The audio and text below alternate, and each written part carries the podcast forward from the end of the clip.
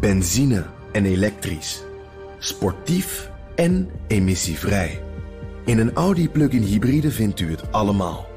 Ervaar de A6, Q5, Q7 en Q8 standaard met quattro vierwielaandrijving. Wat u ook zoekt, u vindt het in een Audi. Audi. Voorsprong door techniek.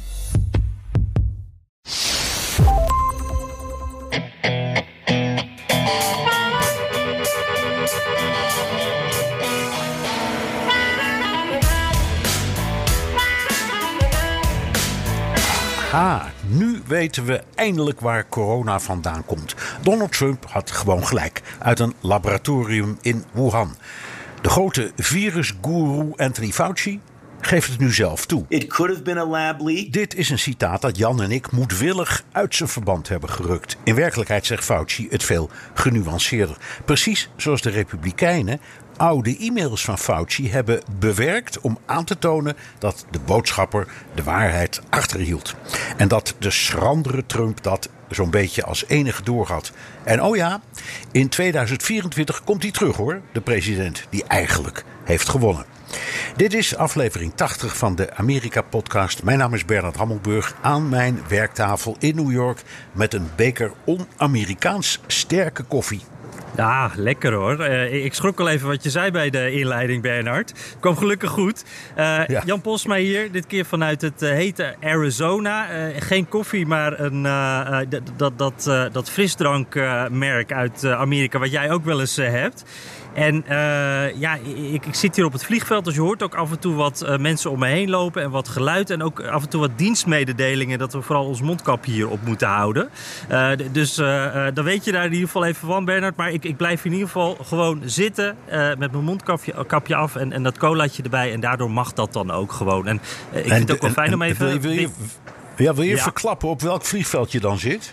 Oh ja, ik zit in uh, Phoenix, uh, Arizona. En het, uh, ik, ik wou net zeggen, ik vind het niet zo erg om, om even binnen te blijven. Want buiten is het nu bijna 40 graden. En ik zit hier lekker in de airco.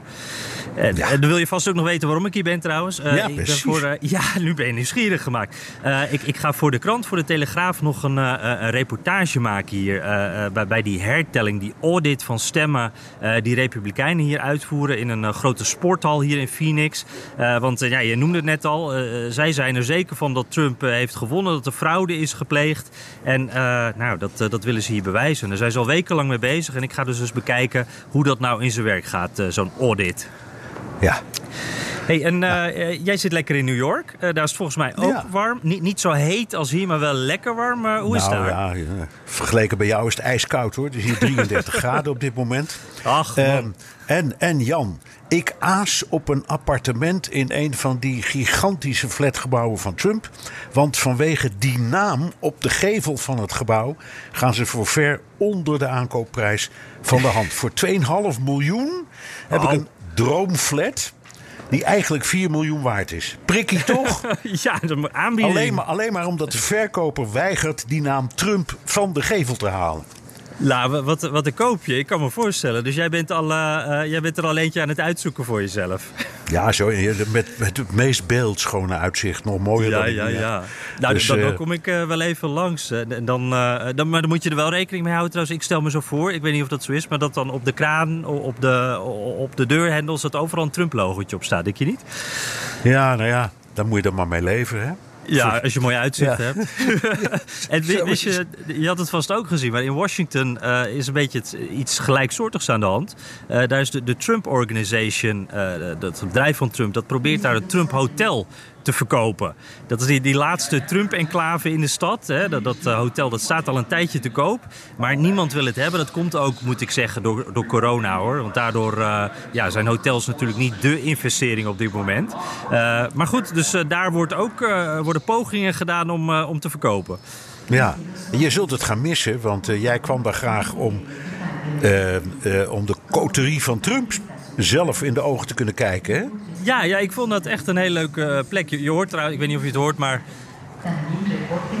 Ja, we krijgen nu ook nog een keer in het Spaans te horen dat je toch een mondkapje op moet doen en uh, op je tas moet letten. Dat gaat zo nog even een beetje door hier op de achtergrond. Maar ja, dat, dat, Trump Hotel, ik, ik vond dat een uh, echt een fascinerende plek. Want helemaal natuurlijk tijdens Trumps presidentschap, daar zaten de ministers, daar zaten alle partijbonzen, daar zaten ook alle supporters. ik ben er één keer geweest, toen, toen waren we daar eventjes naar binnen gegaan met een vriend uit Nederland. En toen was Trump daar die avond. En nou ja, dat is een soort Louis XIV, die, die wordt toegejuicht door zijn volk dan als hij daar komt om zijn doorgebakken steak te eten. dat zijn wel leuke dingen om mee te maken. Dus ik, het was ook de enige plek waar hij uit eten ging. verder kwam hij nergens in de stad. Dus het, ja, ik, ik, ik, vond dat echt een, een, dat was een leuke plek om af en toe even binnen te kijken en, en even te zien wie er nou weer was. Ja, nou goed. Dat komt dus in andere handen en hij heeft veel minder spannend, neem ik aan. Maar goed, het is niet anders. Jan, uh, laten we het hebben uh, over iets dat de gemoederen enorm bezighoudt. De theorie dat het coronavirus uit een laboratorium in Wuhan kwam. Trump gelooft er heilig in. En heeft er zijn China Virus campagne steeds meer op gehamerd. Hè, tijdens de verkiezingen, ook daarna nog. 27 toonaangevende virologen beweerden al aan het begin van de pandemie in een artikel in The Lancet, dat is toch het meest toonaangevende medische blad, dat het totale onzin was. Maar Trump veegde dat van tafel, want hij zei het allemaal beter te begrijpen dan al die wetenschappers.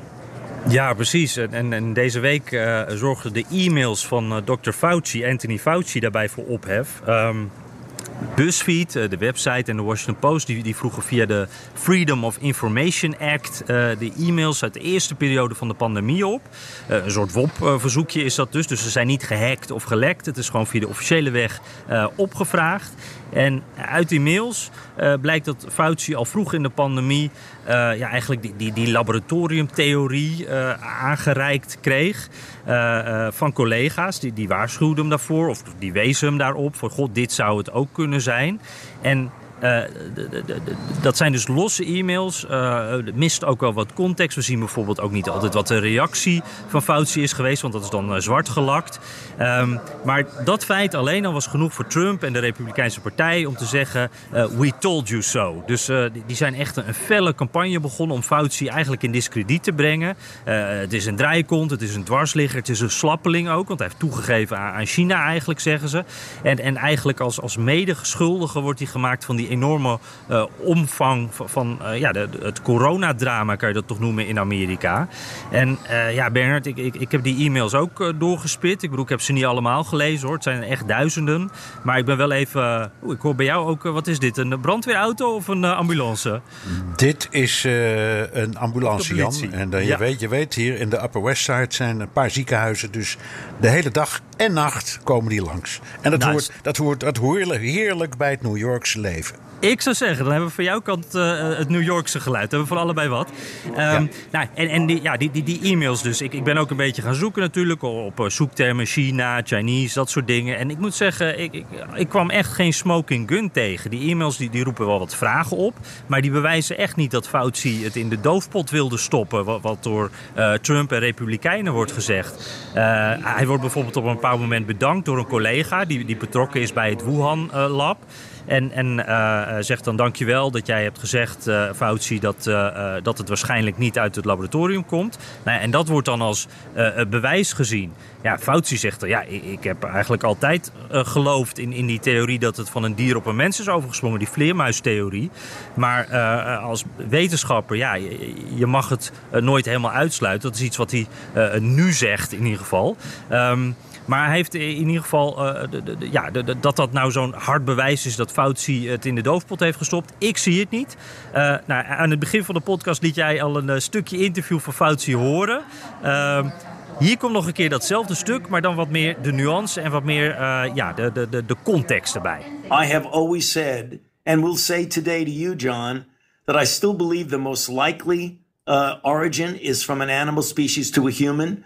But I keep an absolutely open mind that if there may be other origins of that, there may be another reason. It could have been a lab leak. I believe if you look historically, what happens in the animal human interface, that in fact, the more likelihood is that you're dealing with a jump of species. but I keep an open mind all the time. And that's the reason why I have been public that we should continue to look for the origin. Ja, dus Fauci die, die zegt hier duidelijk: uh, ik hou mijn ogen open, ik sta overal voor open. Maar de, de, de, optie dat corona van dier op mens is overgegaan, dat is nog steeds de meest waarschijnlijke optie, het meest waarschijnlijke scenario. En uh, ja, Bernard, ik, ik had wel het idee, een vraag die bij mij wel overeind bleef, was van, ja, zijn Amerikaanse wetenschappers in het begin misschien niet te, te, te ferm geweest? Misschien ook wel wat te snel geweest met dat afwijzen, helemaal afwijzen van die laboratoriumtheorie, uh, wat jij noemde, de, de Lancet ook. want achter de schermen waren dus wel collega's van Fauci die wel twijfels hadden. En, en, en dat die Chinezen niet onvoorwaardelijk vertrouwd kunnen worden, dat, dat weten we toch ook wel een beetje. Ja, er was geloof ik ook in de post deze week een, een luisteraarsopmerking eigenlijk van iemand die zei: Jongens, jullie lopen wel hard van stapel. Er zijn echt uh, geleerden die, uh, die veel voorzichtiger met die labtheorie omgaan. En dan, uh, Jan, het, het, het blad Vanity Fair publiceerde een heel artikel. Aan de hand van materiaal van de data-analyst, van een data-analyst van de Centrale Bank in Nieuw-Zeeland, een zeker Gilles de Maneuf, man met een Franse naam. En die heeft het syndroom van Asperger. En dan kun je zeggen, wat, wat maakt dat nou uit? Nou, dat maakt uit omdat een van de karakteristieken van dat soort mensen, mensen met die uh, ziekte, zal ik maar zeggen, het is een vorm van autisme. Uh, juist daardoor met enorm veel energie en ongelooflijk gericht analytisch kunnen denken. En, op, mhm. en alle onderzoeken kunnen napluizen. Heeft hij ook gedaan. En hij zegt, die labtheorie die klopt als een bus. En die man heeft, die, die heeft geen politieke agenda. Dus het is niet iemand die Trump steunt. En hij valt ook Fauci niet aan. Maar toch, ik, bedoel, ik vind het zorgvuldig dat we dat er in geval bij zeggen. Ja, precies. Want dat was echt eh, een heel interessant eh, artikel. Het is ook een lang artikel. Eh, voor wie de tijd heeft en het even na wil lezen. Het heet The Lab Leak Theory Inside the Fight to Uncover COVID-19 Origins. het is echt een interessant artikel. En ja, maar wat je ziet is, is dat eigenlijk die theorie van dat lab, dat, dat wordt echt, dat, lab lek, dat wordt omarmd door, door republikeinen en, en zeker door Trump. Um, En ik moet zeggen, Bernard, uh, wij zijn natuurlijk geen virologen. Uh, ja, ik denk dat we moeten dat onderzoek van, van de Amerikaanse inlichtingendienst uh, maar afwachten. Maar waar, waar Biden heeft toe opgedragen. Want, want op dit moment lees ik naast dat Vanity Fair stuk, wat dus een hele interessante, net iets andere invalshoek en kijk geeft op, op deze vraag. lees ik in rechtse media, zoals Wall Street Journal en Fox News, dat die labtheorie zo goed als zeker is. Terwijl ik in de Washington Post deze week een expert las die, die, die zei dat het niet zo is. Dus ja, uh, het, ik vind het ook wel ingewikkeld hoor. Ja, nou ja, ik, ik, je hebt gelijk. Het, het, is niet voor niets, dat hebben we al eerder gezegd, dat uh, Biden heeft gezegd: jongens, ik stuur de diensten erop af, want ik wil het nu echt weten. Ja, en, en, dat is eh, ook... Ja, als, als blijkt dat die labtheorie klopt, nou ja, dan ga ik op mijn, ga ik op mijn bek, zo gezegd. Maar dan, zijn, dan weten we het tenminste. Ja, uh, ja. En, en als het niet zo is, wat de meeste geleerden nog steeds geloven, laten we eerlijk wezen, dan zijn we er ook uit. Dan is die discussie tenminste gesloten. Ja, precies. Want we hebben nu eigenlijk, uh, is er onduidelijkheid. En, en, en dat beide een onderzoek, dat, dat, dat zei je vorige week ook tijdens de podcast, dat is ook eigenlijk, je kan het zien als kritiek op dat WHO-onderzoek. Wat een beetje ja, halfbakken lijkt te zijn gegaan. De, die groep die daarheen ging en een beetje met een kluitje in het riet werd gestuurd. Uh, dus dit is ook een manier om, om tot die volgende stap te komen en, en meer duidelijkheid te krijgen, ja. uh, denk ik. Ja, dat, wat, dat, dat is wel een schande, hè? dat die, die WHO-onderzoekers, tenminste de manier waarop ik het zag... Uh, Waaronder de Nederlandse Marion Koopmans. Die is toch echt niet van de straat, zal ik maar zeggen. Hmm. Echt gewoon niet de vingers er helemaal achter konden krijgen. En dat ook zeiden. En ook niet precies konden zien. En bekijken wat ze wilden. En die kregen eigenlijk alleen maar keurige Chinese geleerden in witte jassen voor zich. Met documenten waarop onderzoeken stonden. Maar ze werden niet toegelaten, bij mijn weten, tot dat lab of andere plekken waar ze zeiden: daar willen we echt gewoon ter plekke nou eens even kijken wat daar gebeurd zou kunnen zijn. Dat gebeurde. Nee, precies. Nee, nee. En, en daarop aansluitend, uh, Bernard, uh, de, de Biden-regering die, die lijkt nu een beetje voorzichtig druk uit te oefenen op China. Blinken, Fauci, die, die zeggen allebei... Het, het is ook in China's belang om, om ook te weten waar het vandaan komt. Maar dat is ook weer niet helemaal waar. Uh, China wil natuurlijk die info niet delen uh, met de wereld als dat nadelig is voor hen. Dus stel dat het uit dat laboratorium is gekomen, dan zullen ze dat toch voor zich willen houden, denk ik. En wat ik me nou afvraag, want uh, Blinken, minister van Buitenlandse Zaken, die, die werd ook gevraagd van, nou, hoe ga je dan verder China onder druk zetten? Wat kan je dan nog? sancties bijvoorbeeld. Nou ja, daar wilde hij natuurlijk niks over zeggen. Maar toen dacht ik wel van, ja, we, we, we willen, we willen toegang tot, tot die plekken. We willen duidelijkheid, we willen transparantie van China. Maar wat kan Amerika, wat kan Biden nou doen om dat ook voor elkaar te krijgen? Ja, nou, ik denk twee dingen, Jan. In de eerste plaats gewoon die, dat onderzoek afwachten. Want als de CIA en andere diensten um, daar hun neus in steken, dan komen die er waarschijnlijk wel achter. Die zijn er echt heel goed in, in dat soort dingen. En als nou gesteld nu dat het waar is, hè, van die, die, die labtheorie die klopt. Dan kan ik me voorstellen dat iemand als Blinken, dat is een razend slimme diplomaat. Dus niet in de aanval gaat, maar tegen die Chinezen zegt: luister eens, wij hebben het nu ook onderzoekt, onderzocht. En um, wij hebben hele interessante conclusies. En ze, willen jullie dat onderzoek van ons met ons delen? Dan kunnen we erover praten. Dan, geeft hij, dan geeft hij die Chinezen een soort uit, uitweg om ja, hun gezicht te redden of daar dan uh, iets slims mee te doen. Uh, of niet, dat zien we er wel. Maar ik denk niet dat hij meteen in de, in de modus van sancties schiet. Dat lijkt me in dit geval niet handig. En bovendien, dat moeten we ook niet vergeten. Of het nu uit een laboratorium is gekomen of van die dierenmarkt, één van die twee zou dan toch kloppen. Het blijft een, een, probleem dat daar is ontstaan. Daar, daar, daar zal China, denk ik, ook uiteindelijk uh, tegen die conclusie zich niet uh, verzetten. En bij dit soort dingen, je moet ook de vraag stellen: is daar nou echt, iemand schuldig aan? Of is het gewoon rottigheid die gebeurt in de wereld?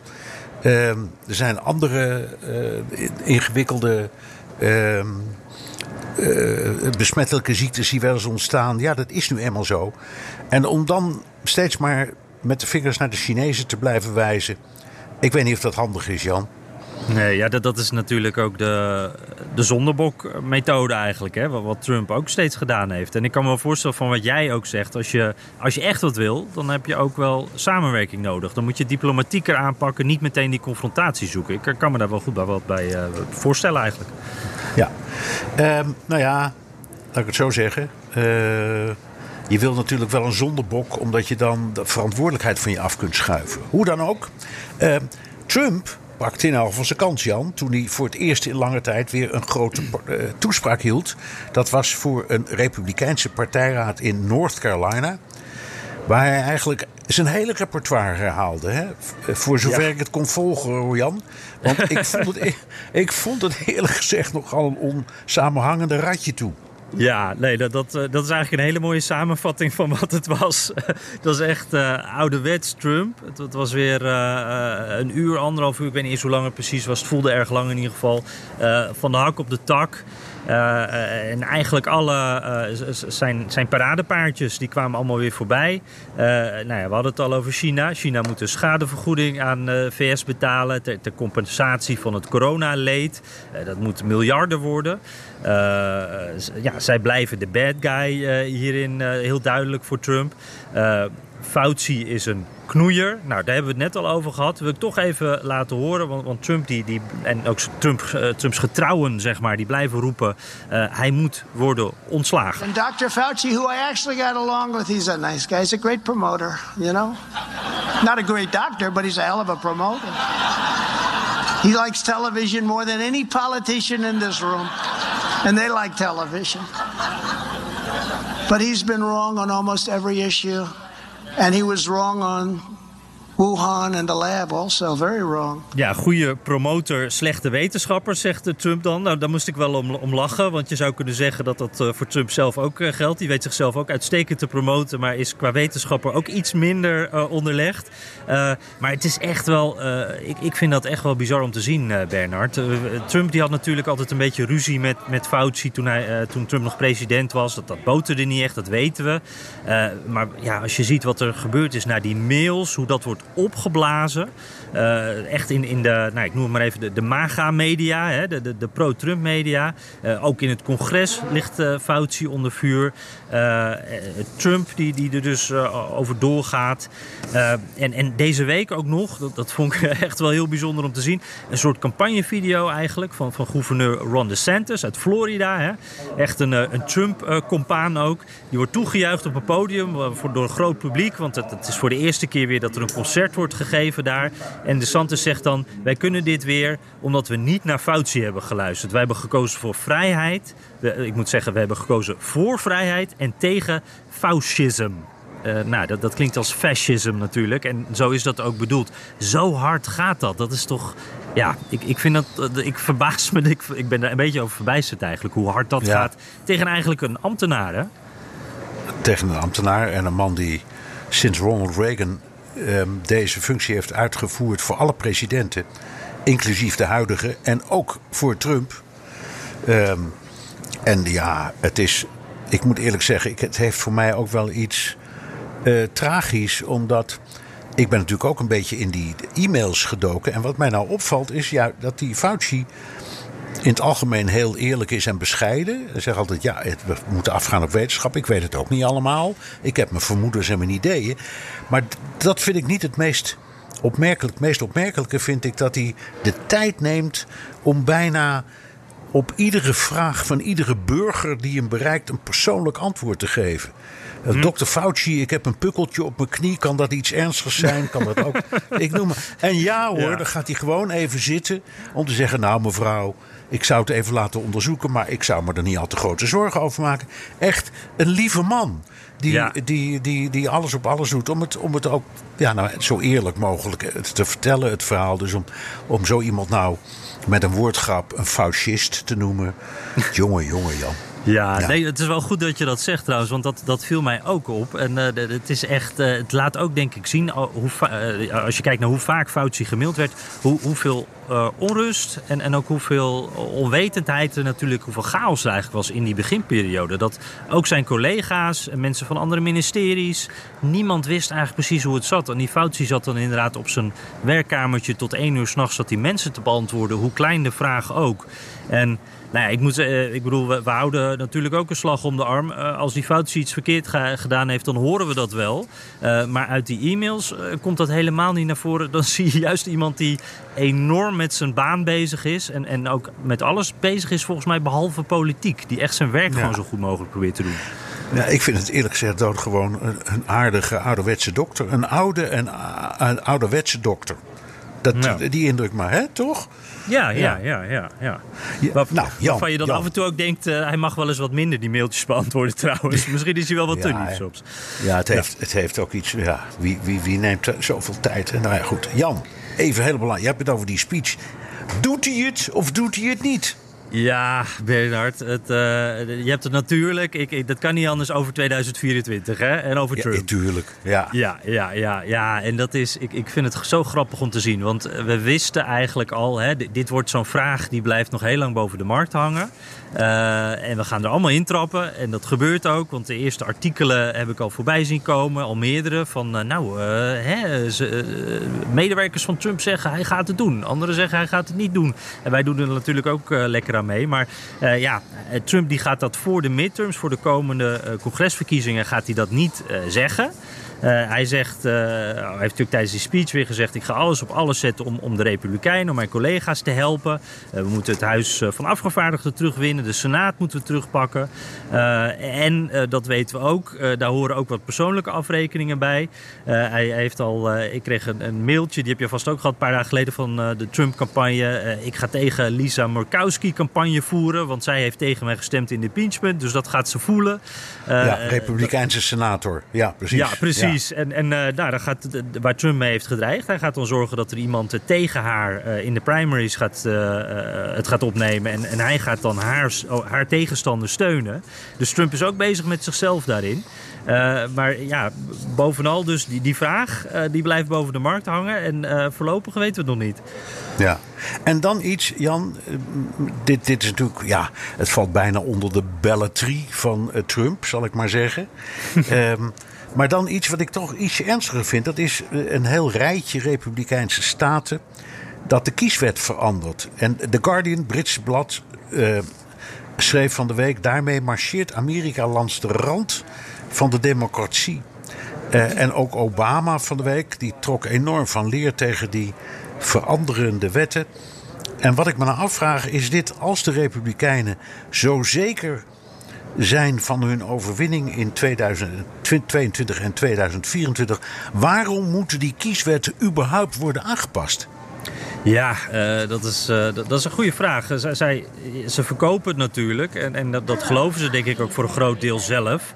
Uh, dat het eerst eerlijk uh, uh, moet kunnen verlopen voordat je kan winnen. En, en, dan kijken ze natuurlijk naar wat er afgelopen jaar gebeurd is. En Trumps beweringen dat er vals is gespeeld, dat er eigenlijk allemaal niks van klopt, van die uitslagen. En dat hij eigenlijk veel te populair is om te hebben verloren. Dat is de gedachte. En ik heb het gevoel dat er dan eigenlijk ook twee gedachten bij zijn. De, de, eerste is dan, nou ja, waar de Democraten zo boos over zijn, van, dat, dat, dat op, komen zo denk ik nog wel even op, dat, dat die minderheden daardoor geraakt worden. En dat zijn meestal democratische kiezers. Maar ik denk ook dat heel erg meespeelt dat die Republikeinen denken, dit is iets waar uh, veel Republikeinse kiezers al boos over zijn. Uh, die, die zijn nu al gefrustreerd over. Die, die geloven oprecht dat er fraude heeft plaatsgevonden. Dus dit kunnen we ook mooi nog even rekken. En zolang we uh, met bijvoorbeeld die hertelling hier in Arizona, maar ook met, met die, die, die, die aanpassing van die wetten bezig zijn. Dat is ook een lekkere manier om iedereen even erbij en wakker te houden tot die volgende uh, verkiezingen. Dus het is ook een soort, een beetje een lap rood vlees, denk ik. Ja. Um, en, en ja, ze, ze, ze doen eigenlijk wat ze eigenlijk bij al die staten allemaal op verschillende manieren hoor, doen, is eigenlijk het beperken van het stemmen per post. Het instellen van die volledige legitimatieplicht. Wat wel ergens, dat is heel logisch uh, aan de ene kant. Ja, voor en aan ons, de andere voor, kant. Voor, voor ja. ons is dat on, onbegrijpelijk dat het niet overal bestaat. Eerlijk is eerlijk. Ja, ja, precies. Dat is heel raar. Maar wij hebben allemaal een paspoort of een idee. Of een, en dat is hier toch anders. Uh, dus misschien moeten ze die paspoort hier goedkoper maken. Maar goed, uh, minder vooraf stemmen. kortere openingsuren voor de stemlokalen. Dus dat zijn allemaal wel manieren om, uh, ja, om het voor mensen ook moeilijker te maken om te stemmen uiteindelijk. En ik moet ook wel zeggen, Bernd, ik weet niet hoe jij dat ziet, het, voelt ook voor mij wel een beetje als teruggaan in de tijd.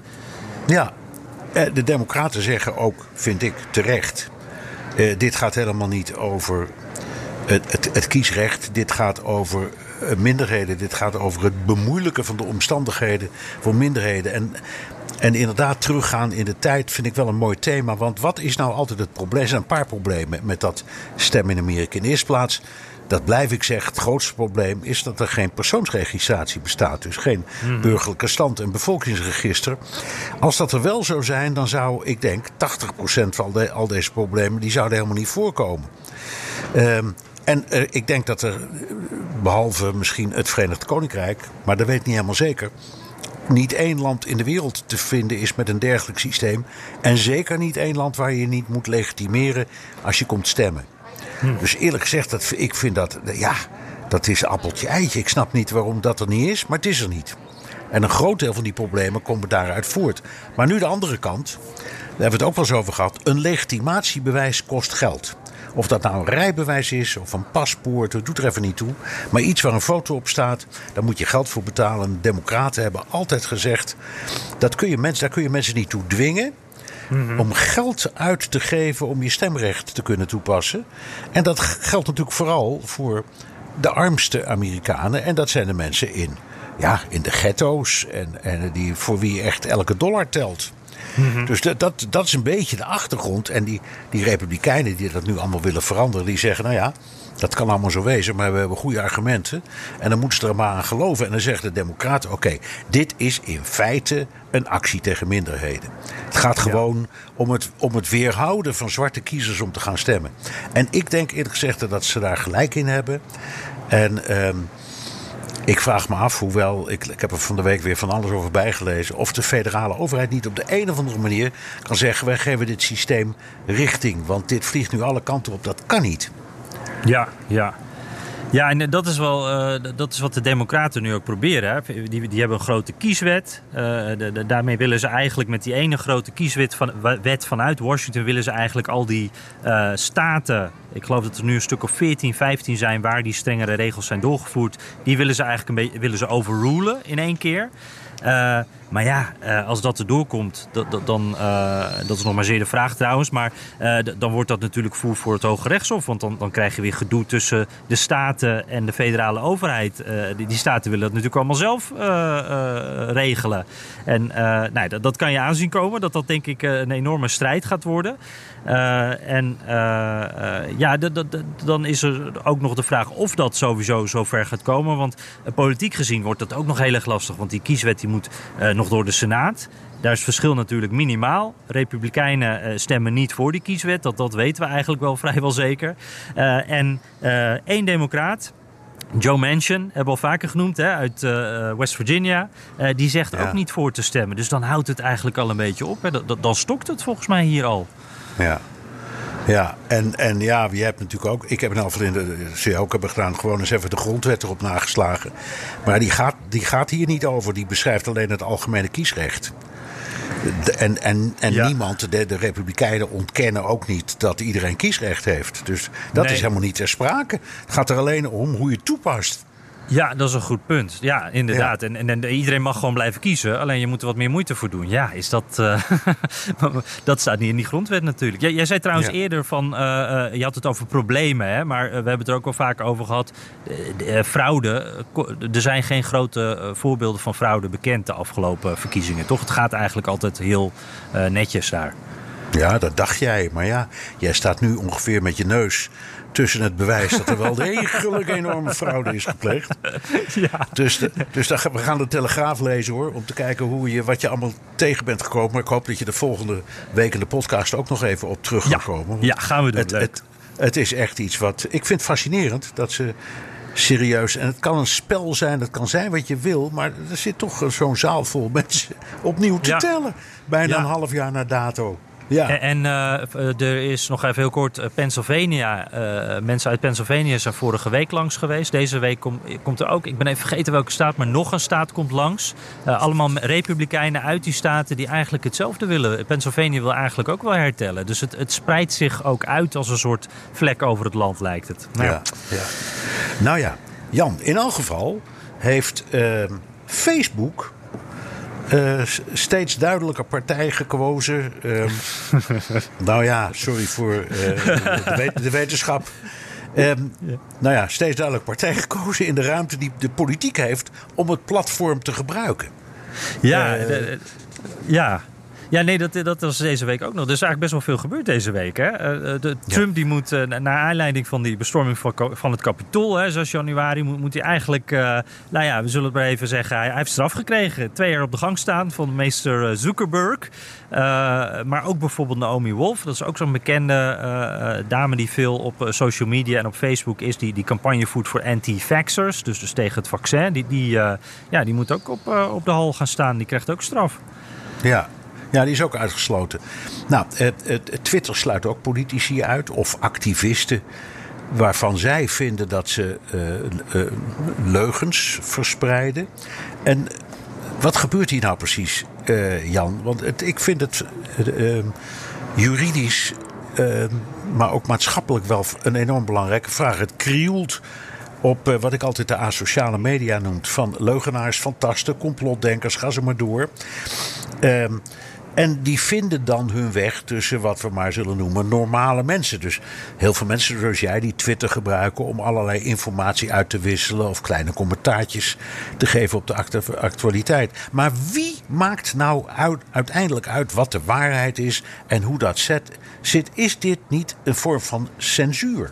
Ja, ja ik, ik moet zeggen, ik, uh, in alle eerlijkheid, ik vind dit echt heel moeilijk. Uh, want. Um, uh, nou, ik, voor, mij had uh, Trump eigenlijk niet van Twitter en Facebook afgehoeven, om eerlijk te zijn. Ik denk dat er ook andere manieren waren geweest om hem uh, als Facebook of als Twitter of, of, YouTube of al die sociale media.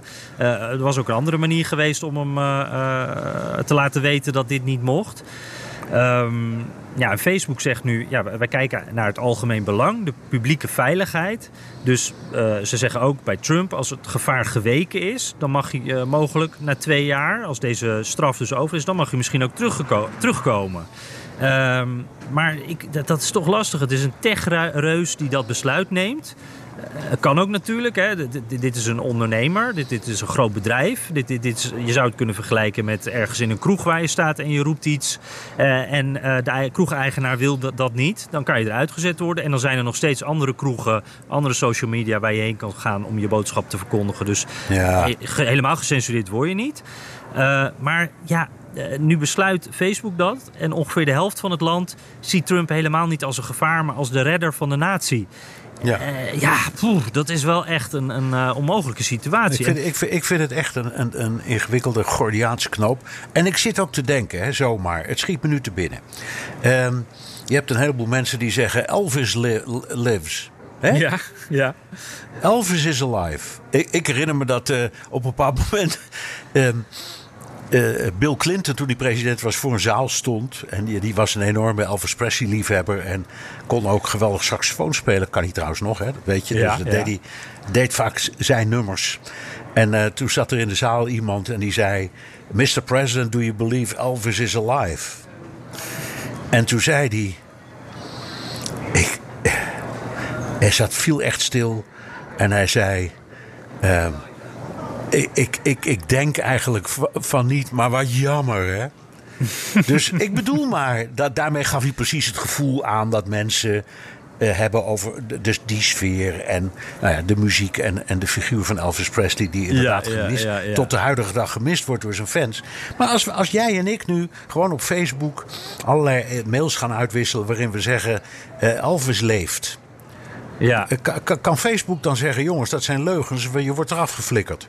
Ja, ja, ik denk in, in de gedachte, van, als je meegaat in de gedachte, de, of de onderbouwing die ze nu gaven, dan, dan zouden ze zeggen van, nou, is dit een gevaar voor de openbare veiligheid? En uh, nou, als dat niet zo is, en dat, dat is het niet in dit geval, dat, dan mag je het gewoon doen, denk ik. Maar ja, hoe gaat het dan? Ja, de, vaccins, uh, de, de, de, de, volgende verkiezingen.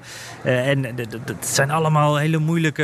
Ja. Daar moet denk ik een, zo, zo'n techreus helemaal niet over beslissen. En wat ik ook wel vond trouwens, Bernard, want de vorige keer was natuurlijk een commissie van Facebook. Die zei van jullie, eigenlijk tegen Zuckerberg, zei die van jullie moeten er opnieuw naar kijken. Want jullie hebben nu eindeloos geschorst. En, en ja, we weten eigenlijk helemaal niet wat daar de regels voor zijn. hoe jullie da daartoe gekomen zijn. En ik vond het nu eigenlijk ook wel een beetje dat ik dacht, er was wel meer onderbouwing. Het is ook een duidelijk afgebakend twee jaar. Maar het mag wel wat transparanter. Ik wil wel wat meer uitleg eigenlijk over waarom en hoe. En, en uh, ja, hoe ze tot zoiets komen. Ik, dat, dat, ik, ik mis ik dat ook. nog wel eigenlijk. Helemaal mee eens. Hey, hey, hey, nou. En nog even een gewetensvraag. Leeft Elvis? ja, natuurlijk. Die, die zit op ja. een eilandje met, uh, uh, wie was het ook meer? Met John F. Kennedy en Marilyn Monroe, toch? ja, en, en, en, en, en, en misschien John Lennon, wie weet hè? Ja, precies, precies. Ja. Jan, Jan, dit lijkt mij nou een prachtig moment om naar de luisteraarsvragen te gaan. Wat heb je ja. allemaal gevonden? Ja, en Bernard, we hadden het net over de asociale media weer eventjes. Hè. Ik moet toch ook even uh, iedereen bedanken. Want we hadden uh, via die uh, soms asociale media... hadden we ook echt een heleboel hele leuke reacties op de vorige aflevering. Dus dank daarvoor. Dat, dat vonden we wel heel erg leuk. Dat doet ons altijd goed om van jullie te horen. En terwijl hier weer een dienstmededeling komt... Dit is een gemeenteraadslid hier die ook waarschuwt dat je je mondkapje op moet doen. Um, ja. Even kijken hoor. En we hadden ook veel opmerkingen erover via de post. Nou, die, die komen allemaal weer even voorbij. Maar uh, ik kan ze niet allemaal doen, kan ik al meteen zeggen. Dus excuses meteen als je niet voorbij komt. En uh, gefeliciteerd als je er wel bij zit. Bijvoorbeeld Remco de Vos. en die zegt, ik heb deze keer geen vraag, maar wel twee podcasttips. En dat vond ik wel toch wel heel erg leuk. Want wij zijn ook podcastluisteraars natuurlijk. American History Tellers tellers. Waarbij er aan de hand van nagespeelde scènes die historie tot leven wordt gebracht. Met name de aflevering over het ontstaan van New York door de Nederlanders. En uh, ook nu heel interessant, de Tulsa Race Massacre. En dat was een onderwerp, Bernard, daar wilden we het eigenlijk ook nog wel even over hebben vorige week. Maar daar kwamen we toen, of de week daarvoor, daar kwamen we toen niet echt aan toe. Misschien dat dat nog een keertje voorbij komt.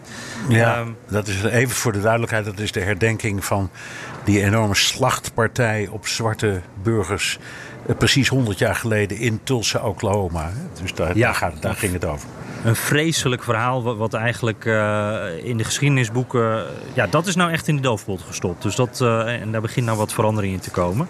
Hij heeft nog een tip: 1865. Een subliem hoorspel dat de gebeurtenissen na de moord op Lincoln volgt. Een echte aanrader. Nou, ik moet zeggen, wij zijn allebei geschiedenisliefhebbers natuurlijk, Bernard. Dus ik vind het hele leuke tips. Ik ga erop um, klikken. Hij, ja, ik zie dat hij, hij, stuurt, hij stuurt links door, dus hij maakt het ons helemaal. Hé hey, Remco, dankjewel. Zeker, dank daarvoor. Uh, John Mulder, uh, die zegt... Uh, oh ja, die reageert even over een eerder... Ik weet niet eens meer welke aflevering dit was, Bernard. Maar toen hadden we het over Henry Ford. de racist, zegt John Mulder erbij. Ford vond de achterstelling van zwarte in Amerika een schande had meer zwarte in dienst dan de rest van alle andere auto-industrieën bij elkaar. Uh, hij zegt dat is 10% van zijn personeelsbestand. Promoveerde zwarte ook tot voormannen, tot woede van veel blanken. Spande zich in voor gratis scholing voor zwarte en werd ook in zijn tijd al geprezen voor zijn rol in de emancipatie van de zwarte bevolking. En zou daar nog veel meer voor geprezen mogen worden. Ford heeft zijn mensen ook nooit op basis van huidskleur meer of minder betaald. Maar, zegt hij, uh, Ford was wel zeer anti-Joods. En, zoals je al zei, Bernard, accepteerde ook Duitse onderscheidingen van Hitler en was verbolgen over het feit dat de Joden hem dat kwalijk Uh, en dan, uh, ja, hij noemt ook nog zijn krant van Henry Ford, de Dearborn Independent, had als enige doel de verspreiding van de Jodenhaat. Complexe man dus, die Ford. Ja, ja. Een, een, een nuancering. Ja, Tenminste, nou ja, het eerste gedeelte. het tweede gedeelte niet. nee, maar ik ben, nee, maar ik ben wel blij dat John uh, uh, uh, toch weer... Het is weer, weer een beetje de gotcha gang. Want hij corrigeert mij een beetje. Want ik, ik, ik weet nog wel de aanleiding. Ik zei in die podcast dat er zoveel... Dat, dat Dierborn is de grootste Arabische stad buiten de Arabische wereld. En dat ja. komt omdat in de tijd dat ehm, de Ford-fabriek begon heel veel uh, buitenlanders, ook heel veel uh, Arabieren, naar uh, Amerika emigreerden. Ook Nederlanders trouwens en Britten en van alles en nog wat. Duitsers. Ehm, om alle mogelijke redenen die niet met godsdienstvrijheid te maken hadden. En Henry Ford die vond Arabieren blanken. dus die deelde die gewoon in bij blanken. Dus die, die huurde die massaal in. En ik heb toen denk ik gezegd, en dat was uitzonderlijk omdat hij zo'n racist was. En misschien heb ik ook gezegd dat dat gold voor zwarte zou best kunnen. En, daar, en John zegt nee, dat is dus niet zo, die corrigeert mij. Maar dat antisemitisme, ja, dat was berucht. Het was niet alleen onderscheidingen van Hitler die hij heeft aangenomen. Maar bij mijn weten heeft hij ook, uh, ja, ik zal maar zeggen, de financiering. Nou, dat is uh, verkeerd woord. Maar hij heeft meegedaan aan inzamelingen, laat ik het zo doen. Zo ja, ja. Dus het was, het was inderdaad, uh, nou ja, Foute man. Foute man, absoluut. Ja. En, en kan je dan zeggen, als het ging om zwarte Amerikanen, dat, dat, hij, uh, dat hij gewoon bovenal een zakenman was? Dat hij ook uh, opportunistisch daarin was? Dat hij gewoon dacht van, wacht, ik heb uh, veel arbeiders nodig. Maakt mij het uit wie dat verder zijn. Nou, nou, dat zal best. En vergeet niet, het was natuurlijk ook een, een geniale man. Het concept van die hele simpele, uitstekend werkende auto. En hij was de uitvinder van de lopende band. Ja, ja, uh, dat bestond nog nergens in de wereld. Dus voor het eerst kreeg je massaproductie. Uh, hè, dat was eigenlijk eh, na de stoommachine misschien wel de belangrijkste ontwikkeling in de uh, industriële revolutie. En daar had je magistraal veel personeel voor nodig. Dus ja, dat zal zeker een rol hebben gespeeld. Ja. Nou goed, uh, bij deze. Uh, ja, we proberen altijd alle details en nuances mee te nemen. Maar soms, zoals dit, als het een beetje een zijpaadje is, dan uh, nou, stuur ons vooral de extra informatie die je hebt. Dat vinden we altijd leuk. Ineke en Frans dan. beste Bernard, we zijn heel blij dat jij in Amerika zit. En natuurlijk erg jaloers. Positief hoor, staat erbij. je mag zomaar naar New York uitroepteken. En de vraag dan, Bernard, mag jij ook maar zes maanden met visum? Dat is een persoonlijke nee, nee, vraag. ja, nee, maar dat mag ik beantwoord hem graag. Ik ben ingezeten. Dus ik heb een, uh, een permanente verblijfsvergunning voor de Verenigde Staten al heel veel jaren. Dus ik mag gewoon, het, ik word dan beschouwd, in die zin word ik beschouwd als staatsburger. Dus ik mag er in en uit naar, naar het mij belieft. Dat is nu wel heel fijn, ja. hè? want dan hoef je niet via, uh, wat is het, via Curaçao of via weet ik veel, een ander land. Je mag gewoon zo rechtstreeks uh, naar binnen. Ja. ja.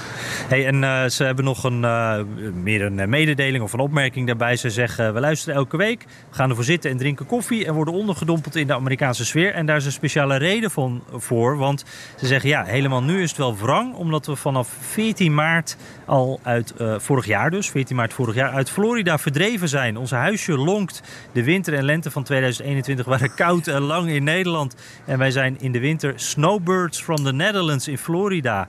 En ze zeggen, nu gaan we lekker toch via een omweg. Ja, ja, er zijn er veel van. Ik ken jij waarschijnlijk ook in Florida een aantal Nederlanders die daar of permanent of zoals deze mensen een deel van het jaar doorbrengen. En dat begrijp ik best. Want als je uit het kille uh, de kop van Noord-Holland komt, zal ik maar zeggen, dan is het, daar dan is het in Zuid-Florida goed toe voor. Ja, heerlijk. Ja. Snap het ook wel. En we hebben daar dus meerdere luisteraars zitten. Dus uh, bij deze de, de, groetjes aan iedereen die in uh, Florida nu zit te luisteren. In die heerlijke warmte daar. Isa Ebus dan. ja, die, die zegt een intelligente vraag heb ik niet.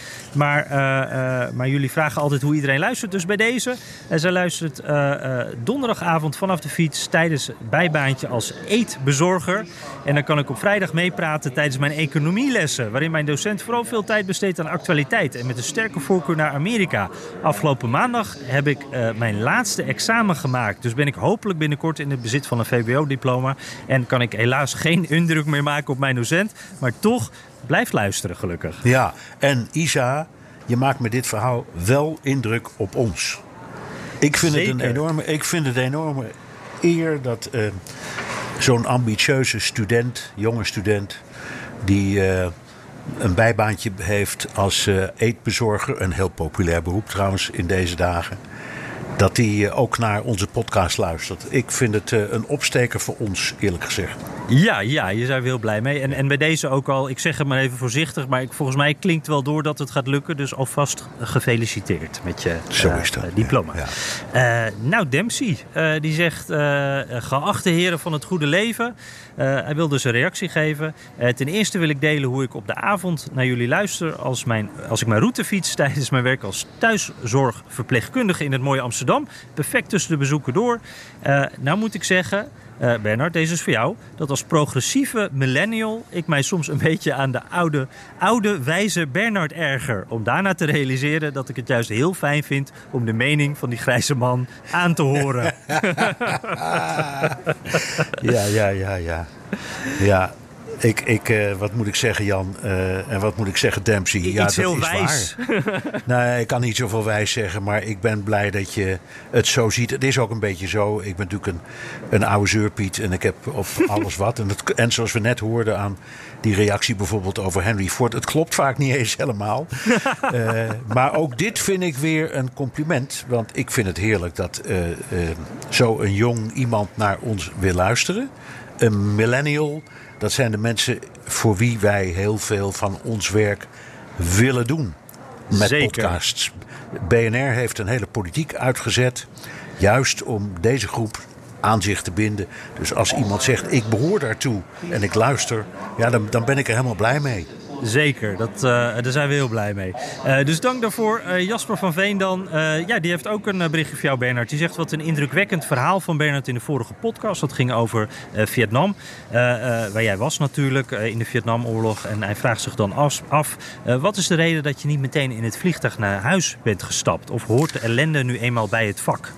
Ja, nou ja, kijk, als je dat soort verslaggeving doet, dan, dan hoort dat erbij. Het is uh, waar, je voor kiest. Uh, ik, ik ben ook wel eens in een vliegtuig gestapt in, in de loop van mijn carrière, maar in het algemeen niet zo snel. Uh, en bovendien in Vietnam was het nog een heel dingetje, want daar had je, dat heb je in sommige landen nog steeds in dictaturen, niet alleen een visum nodig om erin te komen, maar ook om eruit te komen. Dat heette een hm. uitreisvisum. Dus ook als je zou zeggen, nou ik heb het wel gezien, ik ga morgen weg. Nee hoor, vergeet het maar. Dan moest je eerst nog dagenlang allerlei kantoren lang stempels halen. Een brief van weet ik veel die en de die hoofdredacteur en de ambassadeur. En gaan ze maar doen. Je kon er niet zomaar uit. Hmm. Dus ook dat, ook dat speelde een rol. Dus mensen die die impuls hadden, ja, die, die, die stonden dan. Die dachten, ja, ik wil wel, maar kan niet. Nou, vooruit, ik ga nog maar even door. Ja, en, en heb jij die impuls wel eens gehad? Heb je wel eens gedacht van, ik Ja, moet hier toch eigenlijk weg? Ja? Ja, jawel, tuurlijk wel. Tuurlijk wel. Ja, zeker wel. Ja. Het is zo Hey, eh, beklemmend en zo eng. Ja, maar goed, we hebben het erover gehad. En eh, we gaan niet elke uitzending mijn herinneringen aan Vietnam weer opnieuw opkrikken. maar het is, het is een feit. Ja, je, je moet Ja. een speciale podcast voor je memoires eh, beginnen, Bernard, denk ik. Ja. Hey, en hij heeft, eh, eh, Jasper, ook nog een, een andere vraag. Hij heeft een korte vijfdelige podcast over plaatsje Holland in Amerika eh, gehoord. Ik denk dat dat van onze collega Harmen van der Veen is, denk je niet? Die had Dat, daar een dat, mag ik, over. dat mag ik hopen, want hij heeft daar podcasts gemaakt over zijn eigen familie die daar woont. Ja, precies. En dat zijn dus allemaal, dat zijn dus allemaal heel orthodox christelijke mensen. Ja, en, en een van de dingen die Jasper eh, daarin eh, meenam, eh, uit meenam, die, die zei van ja, ik, ik, daardoor werd mij heel erg duidelijk hoe belangrijk dat abortusstandpunt daar is bij die Republikeinen.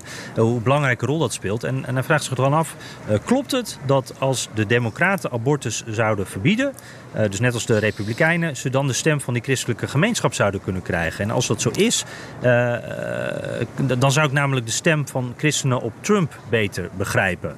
Want de eh, ontzettende afkeer van abortus bij die mensen werd mij tijdens die serie dus heel duidelijk. Ja, ik denk dat het helemaal klopt. Ehm, en er zijn inderdaad in die, in die gemeenschap heel veel mensen die hebben eigenlijk maar één onderwerp. En dat is abortus. En de rest vinden ze niet zo belangrijk. Eh, en dat hebben ze ook vaak benoemd tijdens, in de Trump-periode zal ik maar zeggen. Dat ze zeiden, ja wij zien ook wel dat hij op, op- in bepaalde opzichten misschien een beetje vreemde snoes aan is. Maar dit is voor ons zo overweldigend. It trumps everything, heb ik iemand horen zeggen. Ja, mooi. Ja, ja. Ja. en dus Ja. het klopt. Dus als de Democraten zouden zeggen, nou dan omarmen wij het ook. Ja, dan haal je ze binnen. Alleen dan moet je wel. Hier is ook nog wel iets, hoop ik, sprake van principes. Ja, Ehm, ja. Dus dat gaan de Democraten nooit, nooit doen. Ook al En- kost het ze de verkiezingen. Nee, want dan verliezen ze ook weer heel wat natuurlijk. En- Jawel, en nee, ze- maar bovendien, bovendien het, het, het, het, het, het idee dat vrouwen zelf kunnen uitmaken eh, hoe hun leven verloopt en wat er met hun lichaam gebeurt, dat is voor de Democraten zo'n heilig beginsel. Daar gaan ze echt niet aan tornen. En, en denk je trouwens, eh, ik krijg altijd ook wel het gevoel dat dit zijn een beetje die sociaal-culturele onderwerpen. Hè? Je kan het over de economie hebben, maar je kan het ook hierover hebben. En dit is echt een emotioneel onderwerp ook voor veel mensen. Daarom werkt het denk ik ook zo goed eh, met verkiezingen. Eh, eh, maar bijvoorbeeld eh, wapens, dat is ook zo'n onderwerp. Het, het homohuwelijk is denk ik in, in die, die groepen, in, in die kringen ook nog steeds zo'n onderwerp. Denk, ik heb wel het gevoel dat abortus dat dat de grootste is van al die. Nou, misschien wapens ook wel trouwens. Hoe zie jij dat? Ja, ik zie het ook zo. Ik denk dat Ja. ab- ab- abortus, zoals, zoals die meneer tegen mij zei, it trumps everything. Belangrijker dan wat dan ook. Het troeft alles af. En dat is ook eh, echt het geval. En ik, ik herinner me dat ik, misschien heb ik het al eens eerder verteld, de toen al ehm, heel bejaarde senator Goldwater eh, eens een keer heb geïnterviewd. In zijn nadagen toen hij ehm, net wat wel meer gebeurt met, met politici als ze wat ouder zijn. Veel meer de, het midden opzocht en helemaal niet meer zo fanatiek was. Maar wel een overtuigde republikein. En dat was het thema van dat interview was. Hoe kan het dat een partij die eigenlijk bovenin als belangrijkste principe heeft eh, geen, of een zo klein mogelijke regering, zo min mogelijk bemoeienis met het privéleven van de burger. Ehm, nou ja, zoveel mogelijk afstand houden. Hoe kan het zijn dat die zich zo druk maakt om iets wat juist zo privé is, als bijvoorbeeld abortus? En toen zei hij: je hebt, helemaal, je hebt helemaal gelijk, dat is helemaal geen republikeinse traditie. Dat is er eigenlijk pas de laatste jaren bijgekomen. Toen eh, het christelijke smaldeel onderdeel is gaan uitmaken van die partij. Dat is eh, Dus de, de oor- ja, onder regen, ja. Dus oorspronkelijke zeg, zeg maar, oer-republikeinen zouden over dit soort kwesties helemaal geen gedachten hebben of zich niet bemoeien met het leven van de ander. Misschien wel privé, dus ze zouden zeggen: ik ben daar fel op tegen. Maar wat een vrouw doet, ja, dat moet ze zelf weten. Daar ga ik niet over. En dat is helemaal veranderd. Dat was het thema van dat interview ook. Ja, interessant. Ik, eh, In Phoenix eh, staat een eh, standbeeld van Barry Goldwater, zag ik. Dus eh, daar ga ik nog eventjes eh, kijken als ik de tijd voor heb. Ja, wat een fascinerende man. Ja, En wat, zeker. en wat we vaak zeggen, hè, de, de, de strijd tussen Goldwater en Johnson was minstens zo heftig als die tussen Biden en Trump. Hè. Dus Mhm. ook daarom is het interessant om weer eens in die geschiedenis te duiken. Ja, ja, ja. hey, uh, ik uh, moet eigenlijk bijna mijn uh, huurauto gaan ophalen. Um, zal ik Jens van Haafden nog even meepakken als laatste? Uh, ga je gang. Even kijken. Die, uh, die zegt ook, uh, nou, die, die, noemt ook nog even de vorige aflevering. Dat hij met veel interesse heeft geluisterd naar, naar, jouw ervaringen. en nou, naar wat we verteld hebben. Hij, kijkt ook veel documentaires over dat onderwerp.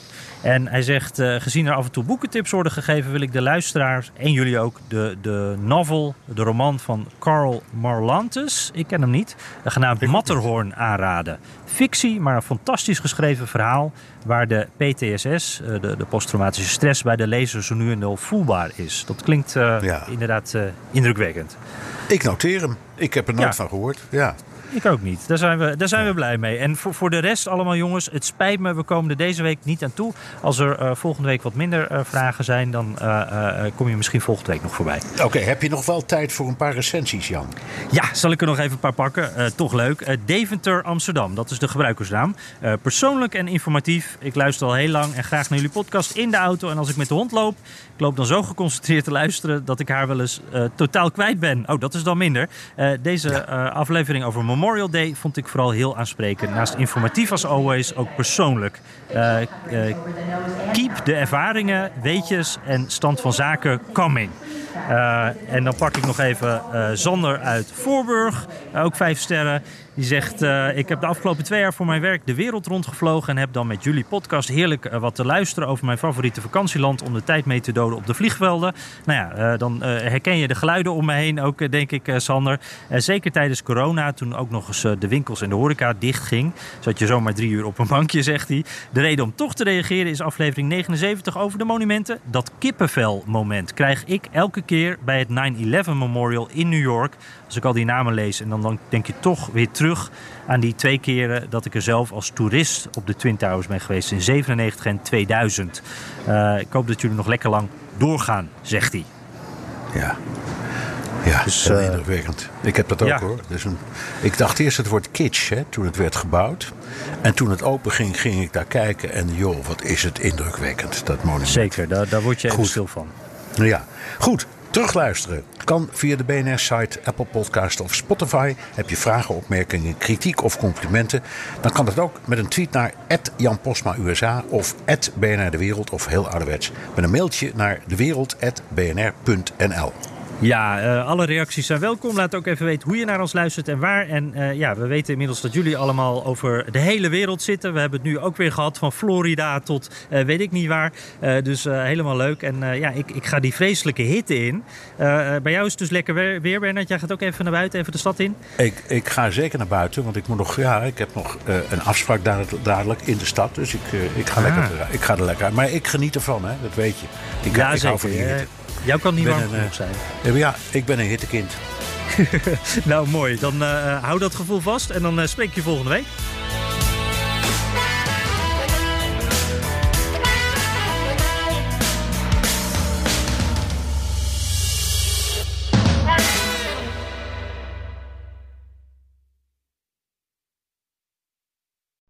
Benzine en elektrisch. Sportief en emissievrij. In een Audi plug-in hybride vindt u het allemaal. Ervaar de A6, Q5, Q7 en Q8 standaard met quattro vierwielaandrijving. Wat u ook zoekt, u vindt het in een Audi. Audi. Voorsprong door techniek.